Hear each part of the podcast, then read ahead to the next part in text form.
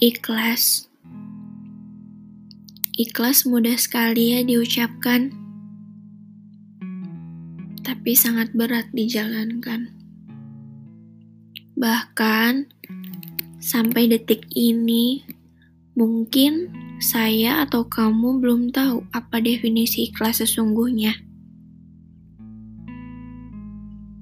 Hari ini, saya belajar apa itu ikhlas ikhlas melepaskan yang hanya titipan Tuhan, ikhlas merelakan orang yang saya sayangi pergi satu persatu, ikhlas merelakan teman-teman dekat saya pergi meraih cita-cita mereka masing-masing, ikhlas melihatnya bersama yang lain mungkin. saya harap semoga ke depannya saya dan kamu dapat terus berlapang dada ya. thank you